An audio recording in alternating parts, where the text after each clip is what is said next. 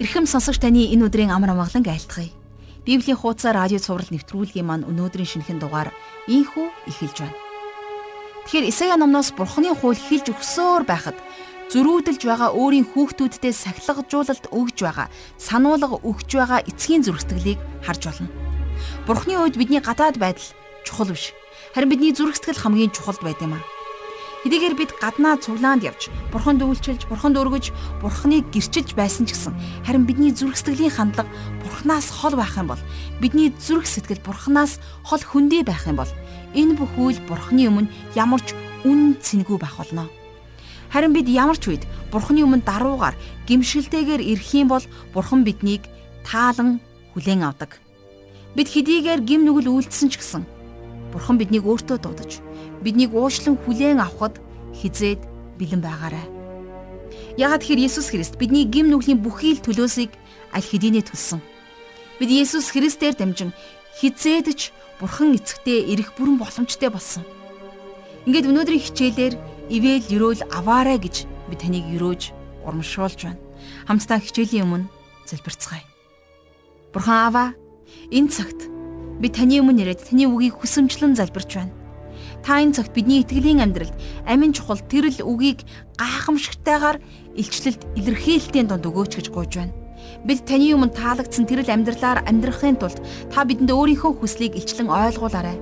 Та өөрийнхөө үгээр дамжуулан биднийг сүнслэг доройдлоос хамгаалж биднийг сүнсээр хүчрхэг хүмүүс болгон өөрчлөн шинчлээч. Бид таны үгийг улам илүүгээр ойлгож таны үгийн дагуу амьдрахын тулд ариун сүнсээрээ та энэ цагийг удирдаач аваа. Бүх зүйлийг таны мотор дүргэж эзэн Есүсийн нэрээр залбирanгуйлаа. Амен.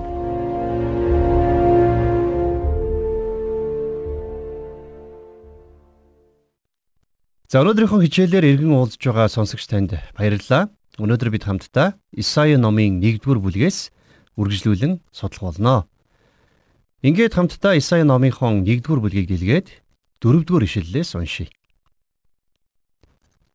Ай хөөрхий нүгэлт үндэстэн хилэнцэд дарагдсан ард түмэн хорлогчдын үр удам хөнөөгч хөвгүүд.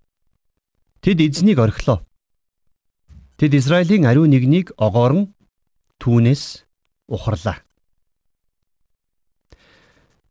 Бидний бурхан энэ дэлхийг бүхэлд нь шүүхтэй өөрийнх нь ард түмэн болох израилчуудыг ч ялгалгүйгээр шударгаар шүүдэг болохыг бид нар эндээс харж болж байна Бурхан бол шудрах шүүгч гэдгийг өнөөдөр хүмүүс тэр болгон мэддэггүй. Энэ тухай огт боддоггүй. Хүмүүс өнөөдөр шүүх цагдаад баригдчихгүй бол юу ч хийсэн хамаагүй мэтэр бодож өөрсдийгөө хуурч байна. Хинч намайг хараагүй юм чинь гэж боддог. Хүмүүс бурхныг шудрах шүүгчийнхэн суудлаас түлхэн унгаж шудраг ёсыг тогтоох эрх мэдлийг өөрсдийнхөө гарт авсан гэж эндүрч байна. Олон хүмүүсийн хувьд бурхан бол зүгээр л алс хол пингэрд суудаг уяхан сэтгэлтэй хөгшин өвгөн мэтэр төсөөлөгддөг. Хүмүүс яг ингэж бичгэлсэн нэг иймэрхүү байдлаар л бурхныг төсөөлдөг байна.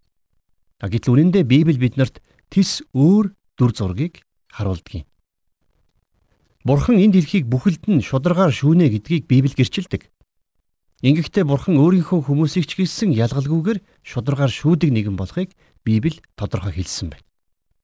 Энэ үннийг санахдаа улс үндэстэн болгон хувь хүн болгон дор бүрнээ болгоомжилж Бурханаас имэж амьдрах учиртай юм.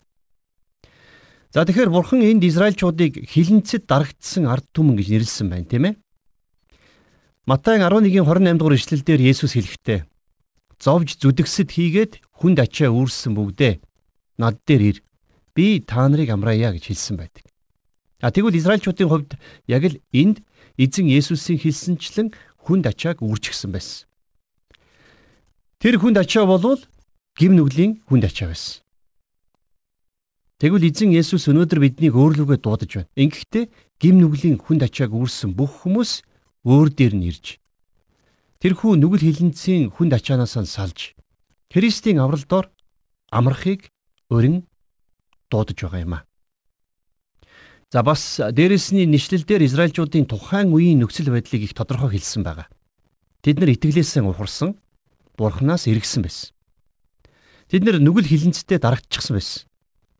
За тэгээд дараа дараагийн ишлэлүүдээр бурхан тэдний нөхцөл байдлыг нэгд нэгэнгүй тоочин дурдсан байдгийг. За тэгэхээр Израильчуудын энэхүү нөхцөл байдал бол шүүгчд номнэр гардаг Израильчуудын нөхцөл байдлыг бидэнд өөрийн ирэхгүй эргэн сануулж байна. За тэгэхээр шүүгчд номон дээр гардаг цикл бол хүн төрлөختний засаг захиргааны бодит дүр төрх юм. Библийн шүүгчд номон дээр сарах юм бол Израильчууд эхлээд бурханд үйлчилдэг, тийм ээ? Бурханаа дуулууртай дагдаг. За тэр үед нь бурхан тэднийг ивэж элбэг хангалуун болгодог.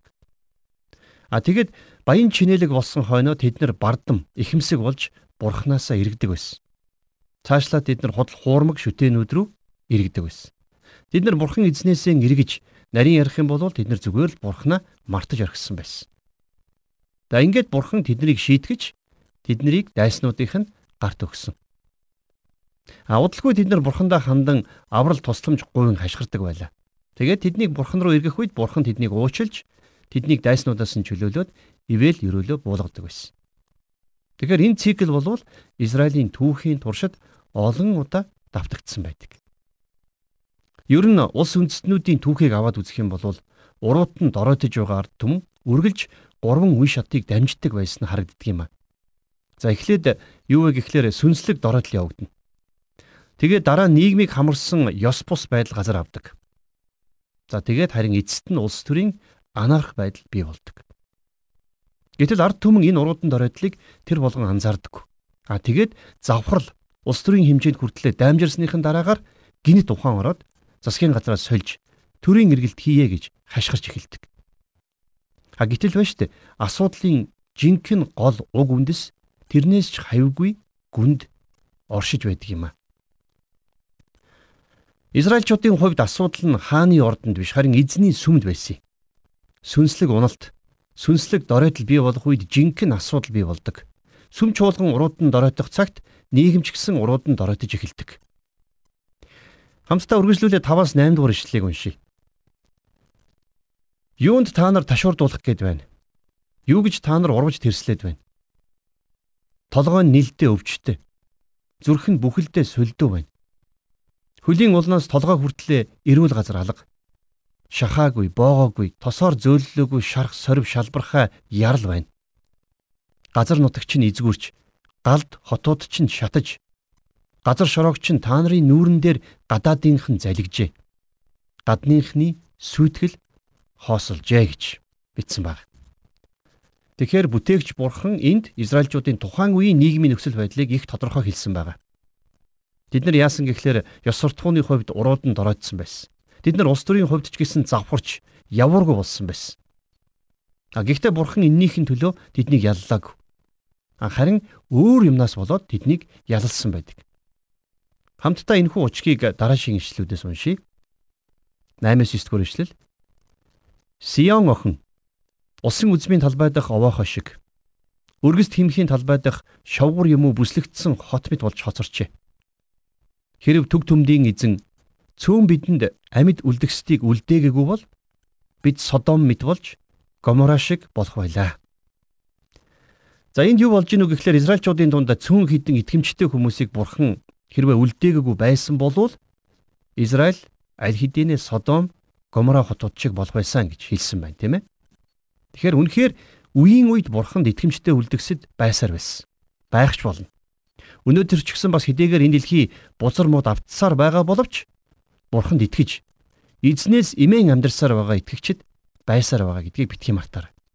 10 дугаар ишлэлдэр Содомын захирагчдаа эзний үгийг сонсохтон Гоморагийн хүмүүсээ бурхны маань зааварт чих тавих доон гэж Исаи хэлсэн байна. За ингэж хэлээд бурхан Израильчуудад хандан ял тулгаж эхэлдэг. Бурхан тэдний яг ямар үйлдэлийнх нь эсрэг ял тулгасан болохыг хамтдаа 11 дугаар ишлэлээс харъя. Эзэн айлдж байна. Олон тахилч нь надад юу юм бэ? Хуцын шатаалт тахилтч бордсон үхрийн өөхөнд ч би бүр ханлаа. Бух, хураг, ямааны цусигч би ис таалмуу.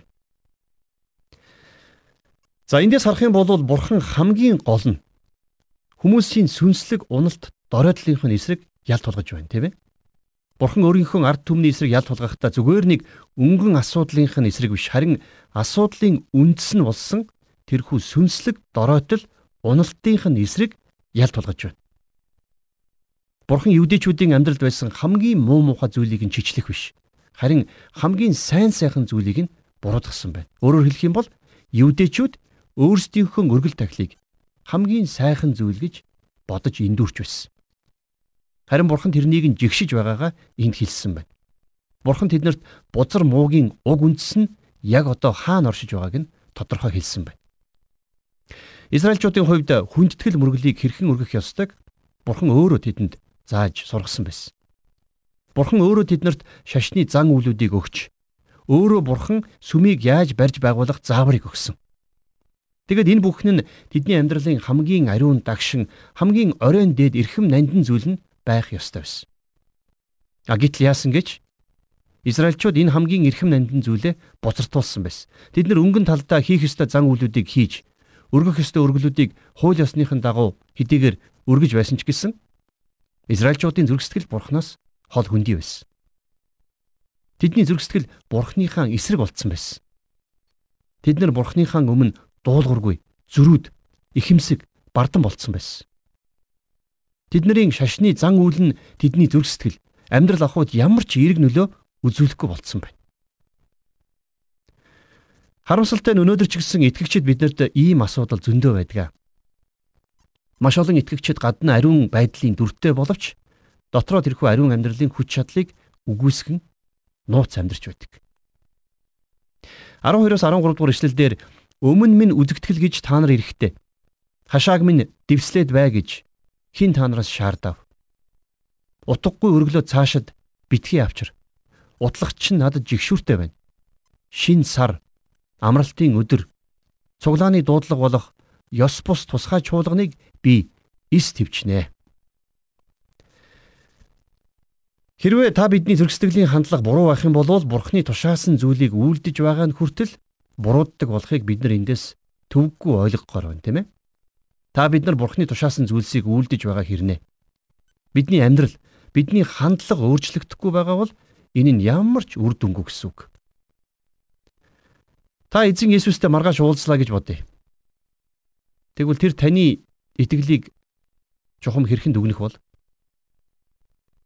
Таныг өөрт нь итгэмжтэйгээр амьдарч байгаа гэж цаашаах болов уу? Бурхан таны цуглаандаа хэр тогтмол явж яаж магтаж яаж өргөл хандив өгдөг вэ гэдгийг чинь биш. Харин тэр бүхнийг хийх үедээ таны зүрх сэтгэл хаана байна вэ? Ямар байна вэ гэдгийг л хардаг гэдгийг битгий мартаарай. Бурхан бидний гадаад байдлыг хардаггүй. Бидний гой сайхан гэрчлэлүүд, агуу мундаг үйлчлэлүүд Бурханд тиймчих сэтгэгдэл төрүүлдэг. Харин Бурхан бидний зүрх сэтгэлийг л харж байдаг. Бид Бурханы өмнө даруугаар гимшилтэйгээр ирэх үед л Бурханд хамгийн ихээр таалагддаг. Үнэхээр энд гарч байгаа үгс бол манай Монгол дахь христийн чуулгануудад сэрэмжлүүлэг болох үе зүгсэ гэж би хувьдаа итгэж байна. Өнөөдөр бид нар сүнсээр сэргэг байж, сүнсээр хүчтэй байх юм бол энэ нь эргээд улс нийгэмд маань сайнаар нөлөөлнө гэдгийг бид нар хизээч мартаж болохгүй. 14-өөс 17 дугаар ишлэлийг одоо хамтдаа уншийе. Та нарын шин сарын баяр тогтоосон найруудыг би үзэн ядмуу. Тэдгээр надад тэр төвг болж тэднийг үүрэх гэж би цөхрөм үү? Та нарыг гараа сарвахад та нараас би мэлми буруулна. Та нар олонтаа залбирсан ч би ис сонсно. Гарч нь цусаар бялдсан байна. Өөрсдийгөө угааж цэвэрлэ. Өөрийн минь нүднээс ёрын үйлсээ зайлуул. Мууг хийхийг зогсоо. Сайныг үйлдэхийг сурцгаа. Шудраг ёсыг мэтэг. Дарлагдагсдыг тэтг. Үнчнийг өмөр. Билевснийг өмгөөл. Тэгэхээр бурхан Израильчуудад хандаж та нар миний өмнө ирэхдээ чин сүсэгтэйгээр ирж байгаа мэтэр дүр хэсгэн ирдэгч гэсэн үнэндээ та нарын зүрх сэтгэл бол бозор муугаар дүүрэн байдаг шүү дээ гэж шулуухан хэлсэн байна. Израильчуудын эсрэг бурхны тулгаж байгаа гол буруутгал нь энэ байсан. Израильчууд итгэл бишрлээсээ эргэж гаднаа сүсэгтэй дүр хэсэгдэгч гэсэн дотроо бурхныг үгүйсгдэг хүмүүс болж хувирсан байсан байна. Тийм ч учраас тэдний амьдрал бузар муугаар дүүрэн байжээ. Тэдний энэхүү сүнслэг доройтол нь нийгмийн ёс суртахуунгүй байдал руу хөтөлж улмаар улс төрийн хэмжээнд анарх за тэгээд замбраагүй байдал бий болсон байсан. Бурхан Израильчуудыг шүүхийн өмнө дуудаж тэдний эсрэг ял тулгасан. Харин Израильчуудын хувьд гэх юм бол тэд нар ял сонсохоор хүлээж сууга ялтан мэд гарах гарцгүй байдалд орсон байна. Бурхан тэднэрт ямар ч ял тулгасан тэднэрт өөрсдийгөө өмөрч хэлэх үг байгаагүй. А гэхдээ хэрэг зарга ингэтлээ өндөр авчгаад байхад ч Бурхан Израильчуудтай ив зүгээр үг хэлээ ололцохыг хүссэн байна. Зөвлөлж хэлэх юм бол хамтдаа шүүхээр асуудлаа шийдэх биш харин өөр хоорондоо ярилцаж зогцъё гэж бурхан хэлсэн баг. Бурхны энэ өгөөмөр сэтгэлийг бид 18 дугаар ишлэлээс уншиж болно. Хүрээд ир. Тэгээд хилэлцъя гэж эзэн айлдаж байна. Хилэнц нүгэлчин. Час уламит байвч цасан адил цагаан болно. Хүрэн луга улаан боловч ноос луга адил болно гэж. Тэгэхээр бурхан ингэж хэлсэн байна тийм ээ. Асуудлаа шүүхээр биш, шүүхээс гадуур ярилцаж шийдъя гэж урьж байна тийм ээ. Яагаад гэвэл хэрвээ асуудал шүүхээр шийдэгдэх юм бол Израильчуудад ямар ч өршөөл оногдохгүй байх байсан. Матай номын 5 дугаар бүлгийн 25 дугаар ишлэлдэр Есүс хэлэхдээ замд хамт яваа дээрээ арцалдагчтайгаа аль болох түргэн сайд. Иш тэгвэл арцалдагч чинь чамайг шүүхэд өгч, шүүгч түшмэлт хүргэж чи шоронд хаягдах вэ гэж хэлсэн байдаг. Бид бүгдийн гим нүглийг бүхэлдэн цагаатгах нэгэн нууц жор бурханд байдаг юм аа. Хэрвээ бид нар Исаи номынхон 53 дугаар бүлгийг харах юм бол та бидний гим нүглийн төлөө бүхнээс илүү зовлон эдэлж бүхнээс илүү шийдэглийг хүртсэн тэр нэгний тухай зүгнэн өгүүлсэн байгаа. А тэр бол Есүс Христ байсан. Есүс Христ бидний өмнөөс бүх төлөөсийг төлсөн учраас бид нар шудрах шүүгч болох Бурхны өршөөлийг хүртэх боломжтой болсон юм. Есүсийн цус та биднийг бүх гим нүглээс минь цагаатхан ангижруулах чадaltaй. Тэгэхээр бурхан энд өөрийнхөө ард түмний эсрэг ял тулгаж байгааг бид нар сайн уншсан. Гэхдээ бурхан тэднийг өөрлөгөө эргэхийг ятгсан байна. Хэрвээ тэд нар гимшиж бурхан руу эргэх юм бол бурхан тэднийг уучлахад бэлэн байна гэж амласан. Үнэн дээр бол бурхан Израильчуудад хангалттай хугацаа өгсөн юм. Бурхан тэднийг бүхэл бүтэн 100 жилийн туршид өөрлөө нь эргэхийг төвчээртэйгээр хүлээсэн байдаг. Ингээд эцэст нь Бурхан тэднийг арга буюу Вавилоны сөллөгт өгсөн. За нэрт түүхч Гибон гихч хүн Ромын эзэнт гүрний доройтол ба мөхөл гэдэг номонд Ромын эзэнт гүрний мөксөн таван шалтгааныг тодорхой бичсэн байдаг. За тэгэхээр Ромын эзэнт гүрэн мөхөж сүрсэн эхний шалтгаан нь гэр бүлийн ариун нандин харилцааг үнгүйдүүлж ёс суртахууныг завхруулсан явдал байсан. Татварыг нэмэгдүүлж хураасан татвараараа нийгмийн цөөнх болсон хэсэг бүлэг хүмүүс хагартлаа баяжсан нь Ромын эзэнт гүрнийг сүрүүлэх хоёр дахь шалтгаан болсон. За тэгээд дараагаар нь зугаа цэнгийн уралдаан тэмцээн нь жилээс жилд харгас хэрцгий ёс суртахуунгүй цуснд шунсан байдалтай болж байсан нь улс орноо сүрүүлэх 3 дахь шалтгаан болсон байдаг. Харин дөрөвдүгürt дотоодын зөрчилдөөнөө шийдвэрлэхийн оронд гадагшаа аян дан хийж зэвсэгт хүчний хитрхи нүсэр болгосон. За харин 5 дугаар шалтгаан нь бол шашин шүтлэг нь улс нийгмийн ёс суртахууныг залан чиглүүлэх чадваргүй болж хий хоосон зан үйл болж хувирсан. Түгч Гибоны дүгнснээр энэхүү таван шалтгааны улмаас Ромын эзэнт гүрэн мөксөн гэж бичсэн байна. Тэгэхээр альва улс орны дотор сүнслэг доройтол нүүрлэх үед тэрнээс ард түмнийг хамарсан ёс суртахуунгүй байдал урган гарч улмаар улс төрийн анаарх байдал газар авдаг. Өнөөдөр бид Монгол орноо ч гэсэн ийм зүйлээс хамгаалан сэргийлэх ёстой. Хэдийгээр манай нийгэм уруудан доройтож ёс бус байдал газар авсан байж болох ч гэсэн бурхан өнөөдөр ч гэсэн биднийг хүрээд ир тэгээд хидэлцъя гэж өөрлөгөө урин дуудсаар байна. Хилэнц нүгэлчин час улаан мэт байвч цасан адил цагаан болно. Хүрэн луга улаан боловч ноос луга адил болно гэж Бурхан бидэнд айлддаг. Та бид нар ганцхан Есүс Христээр л дамжин эцэг Бурханд хүрэх боломжтой. Үнэхээр та бидний хувьд авралт хүрэх өөр зам гэж байхгүй. Авралт хүргэх цорын ганц зам бол зөвхөн Есүс Христ юм аа.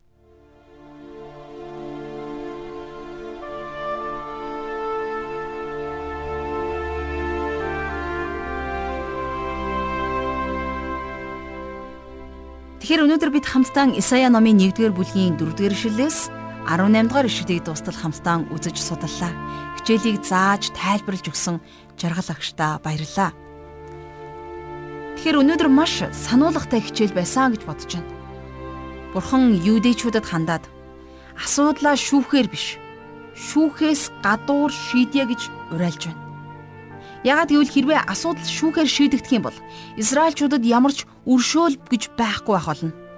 Матай 5 дугаар бүлгийн 25 дугаар ишлэлдэр эзэн Есүс замд хамт яваа дээрээ арцалдагчтайгаа аль болох түргэн сайд Эсвэл арцалдагч нь чамайг шүүхэд өгч шүүгч дүшмдэд хүргэж чи шоронд хаягдахгүй гэж айлдсан байдаг. Хэдий хүртэл зөрүүдлэн гим нүглийнхээ дунд байх юм бэ гэж бид өөрсдөөсөө асуух хэрэгтэй байна. Хэдий болтол зөрүүдлэн гим нүглийнхээ дунд байсаар байх юм бэ? Зарим нэг хүмүүс за ингээл дуусъя гэж боддог. Харин би таныг урамшуулан ятгах байна. Эзний сүнсээр гуйж ятгах байна. Та битгий юм хинэггүй байгаарай. Юрөөлийн замыг сонгоорой.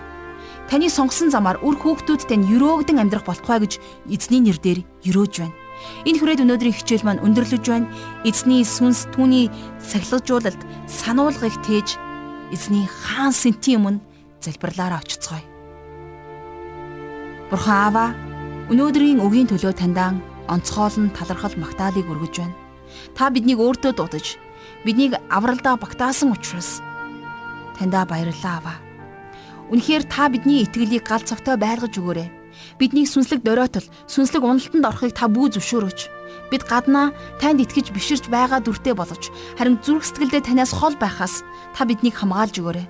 Улс орныг мань та сүнслэг дөрөөтлөөс хамгаалаарай. Нийгэмдэр газар аваад байгаа ёс бус байдал, улс төрийн түвшинд газар аваад байгаа тэр анаарх байдал, шудраг бус, ёс бус байдлыг та таслан зогсоож өгөөрэй. Их эзэн минь хаадын төлөө, эрх мэдлтнүүдийн төлөө, ирээдүйн төлөө зуучлан залбирагчд байхад та бидний амийг, та бидний залбирлыг тусалж өрөөж өгөөрэй. Таньда талархаж байна. Та өөрийн чуулганыг өөрийнхөө арт түмнийг улам илүүгээр хүчрхэгжүүлэн босгож өгөөрэй. Танд талархал магтаалыг өргөж эзэн Есүсийн нэрээр залбирanгуйлаа. Амен.